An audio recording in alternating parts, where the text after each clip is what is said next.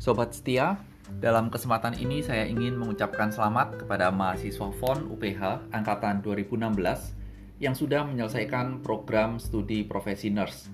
Kiranya Tuhan akan terus memimpin langkah kalian semua tahap demi tahap.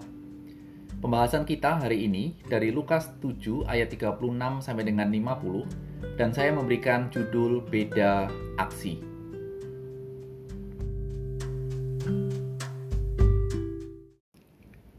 Seorang Farisi mengundang Yesus untuk datang makan di rumahnya.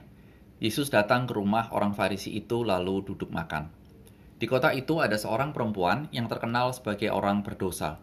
Ketika perempuan itu mendengar bahwa Yesus sedang makan di rumah orang Farisi itu, datanglah ia membawa sebuah buli-buli pualam berisi minyak wangi.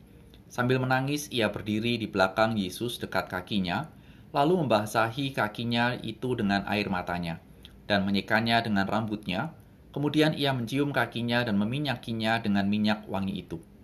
Ketika orang Farisi yang mengundang Yesus melihat hal itu, ia berkata dalam hatinya, "Jika ia ini nabi, tentu ia tahu siapakah dan orang apakah perempuan yang menjamahnya ini. Tentu ia tahu bahwa perempuan itu adalah orang berdosa." Lalu Yesus berkata kepadanya, "Simon, ada yang hendak kukatakan kepadamu." Saud Simon, "Katakanlah, Guru." Ada dua orang yang berhutang kepada seorang pelepas uang. Yang seorang berhutang 500 dinar, yang lain 50. Karena mereka tidak sanggup membayar, maka ia menghapuskan hutang kedua orang itu. Siapakah di antara mereka yang akan terlebih mengasihi dia? Jawab Simon, aku kira dia yang paling banyak dihapuskan hutangnya. Kata Yesus kepadanya, betul pendapatmu itu. Dan sambil berpaling kepada perempuan itu, ia berkata kepada Simon, Engkau lihat perempuan ini, Aku masuk ke rumahmu, namun engkau tidak memberikan aku air untuk membasuh kakiku. Tetapi dia membasahi kakiku dengan air mata dan menyekanya dengan rambutnya. Engkau tidak mencium aku, tetapi sejak aku masuk ia tiada henti-hentinya, mencium kakiku. Engkau tidak meminyaki kepalaku dengan minyak, tetapi ia meminyaki kakiku dengan minyak wangi. Sebab itu aku berkata kepadamu, dosa yang banyak itu telah diampuni, sebab ia telah banyak berbuat kasih tetapi orang yang sedikit diampuni, sedikit juga ia berbuat kasih. Lalu ia berkata kepada perempuan itu, dosamu telah diampuni. Dan mereka yang duduk makan bersama dia, berpikir dalam hati mereka, siapakah ia ini sehingga ia dapat mengampuni dosa. Tetapi Yesus berkata kepada perempuan itu, imanmu telah menyelamatkan engkau, pergilah dengan selamat. Mari kita berdoa. Tuhan Yesus, biarlah kesegaran firman-Mu boleh kami rasakan saat ini. Dalam nama Tuhan Yesus, amin. Sobat setia, kalau kita perhatikan, dari setiap sekolah yang ada akan menghasilkan lulusan yang berbeda dari sekolah lain. Kira-kira seperti itulah yang Tuhan Yesus tekankan kepada tokoh agama bahwa aksi seseorang yang mendengar dan menerima ajarannya akan berbeda.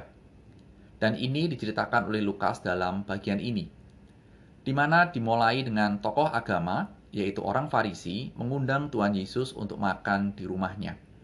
Undangan ini adalah sebuah bentuk penghormatan kepada seseorang. Dan saat itu, mereka sedang makan bersama. Kemudian Lukas menampilkan kontras dari orang Farisi, yaitu tampilnya seorang perempuan yang terkenal sebagai seorang yang berdosa. Bila dikatakan terkenal, maka bahasa anak sekarang kira-kira adalah itu loh, orang yang lagi viral, yaitu si pendosa. Saat itu, wanita itu mendengar bahwa Tuhan Yesus ada di rumah orang Farisi. Lalu kemudian perempuan itu datang ke sana, membawa minyak wangi dalam buli pualam. Kita tidak tahu bagaimana dia datang ke sana, cara masuknya, dan berdiri di belakang Tuhan Yesus. Namun Lukas menginformasikan bahwa wanita itu menangis. Air matanya menetes membasahi kaki Tuhan Yesus Kemudian dengan rambutnya, dia menyeka, mencium kaki Tuhan Yesus dan meminyaki dengan parfum yang dia bawa. Sobat setia, jangan fokus kepada parfum yang harganya boleh dikatakan selalu mahal. Tetapi lihat kesimpulan dari respon Simon orang Farisi itu. Di ayat 39 dan ini yang harus menjadi fokus kita. Dia mengucapkan apa? Yang diucapkan dalam hatinya dalam pengertian tidak ada suaranya seperti ini. Jika ia ini nabi, tentu ia tahu siapakah dan orang apakah perempuan yang menjamahnya ini. Tentu ia, ia tahu bahwa perempuan itu adalah seorang berdosa. Sobat setia, kalimat ini perlu kita telaah dan perlu kita pikirkan lebih lagi. Mengapa? Karena ini logika yang menarik untuk menjadi pelajaran buat kita semua. Perhatikan, logikanya adalah seperti ini. Jika Tuhan Yesus adalah nabi, maka dia tahu siapa yang menjamahnya. Jika Tuhan Yesus tahu yang menjamahnya adalah perempuan berdosa, maka dia tidak akan mengizinkan hal itu terjadi. Tetapi faktanya, kejadiannya adalah Tuhan Yesus telah menerima perempuan berdosa itu. Sehingga logikanya adalah dia tidak mengetahui siapa perempuan itu. Karena Tuhan Yesus tidak mengetahui siapa perempuan itu, tentunya akibatnya adalah dia bukan seorang nabi. Dan karena Tuhan Yesus bukan seorang nabi, orang dapat menolak ajarannya dan pelayanannya. Pemikiran yang logis yang muncul dari respon Simon, orang Farisi. Terhadap hal itu, apakah Tuhan tahu apa yang diucapkan oleh Simon dalam hatinya? Tahu Itulah sebabnya Tuhan memberikan cerita sederhana, sebuah ilustrasi untuk Simon dan untuk kita semua. Dikatakan bahwa dua orang berhutang dan dua-duanya tidak bisa membayar. Yang satu memiliki sepuluh kali lebih banyak dari yang lainnya. Namun peminjam uang itu menghapuskan hutang mereka semua. Dan cerita itu diakhiri dengan sebuah pertanyaan kepada Simon. Siapa yang akan lebih mengasihi peminjam uang?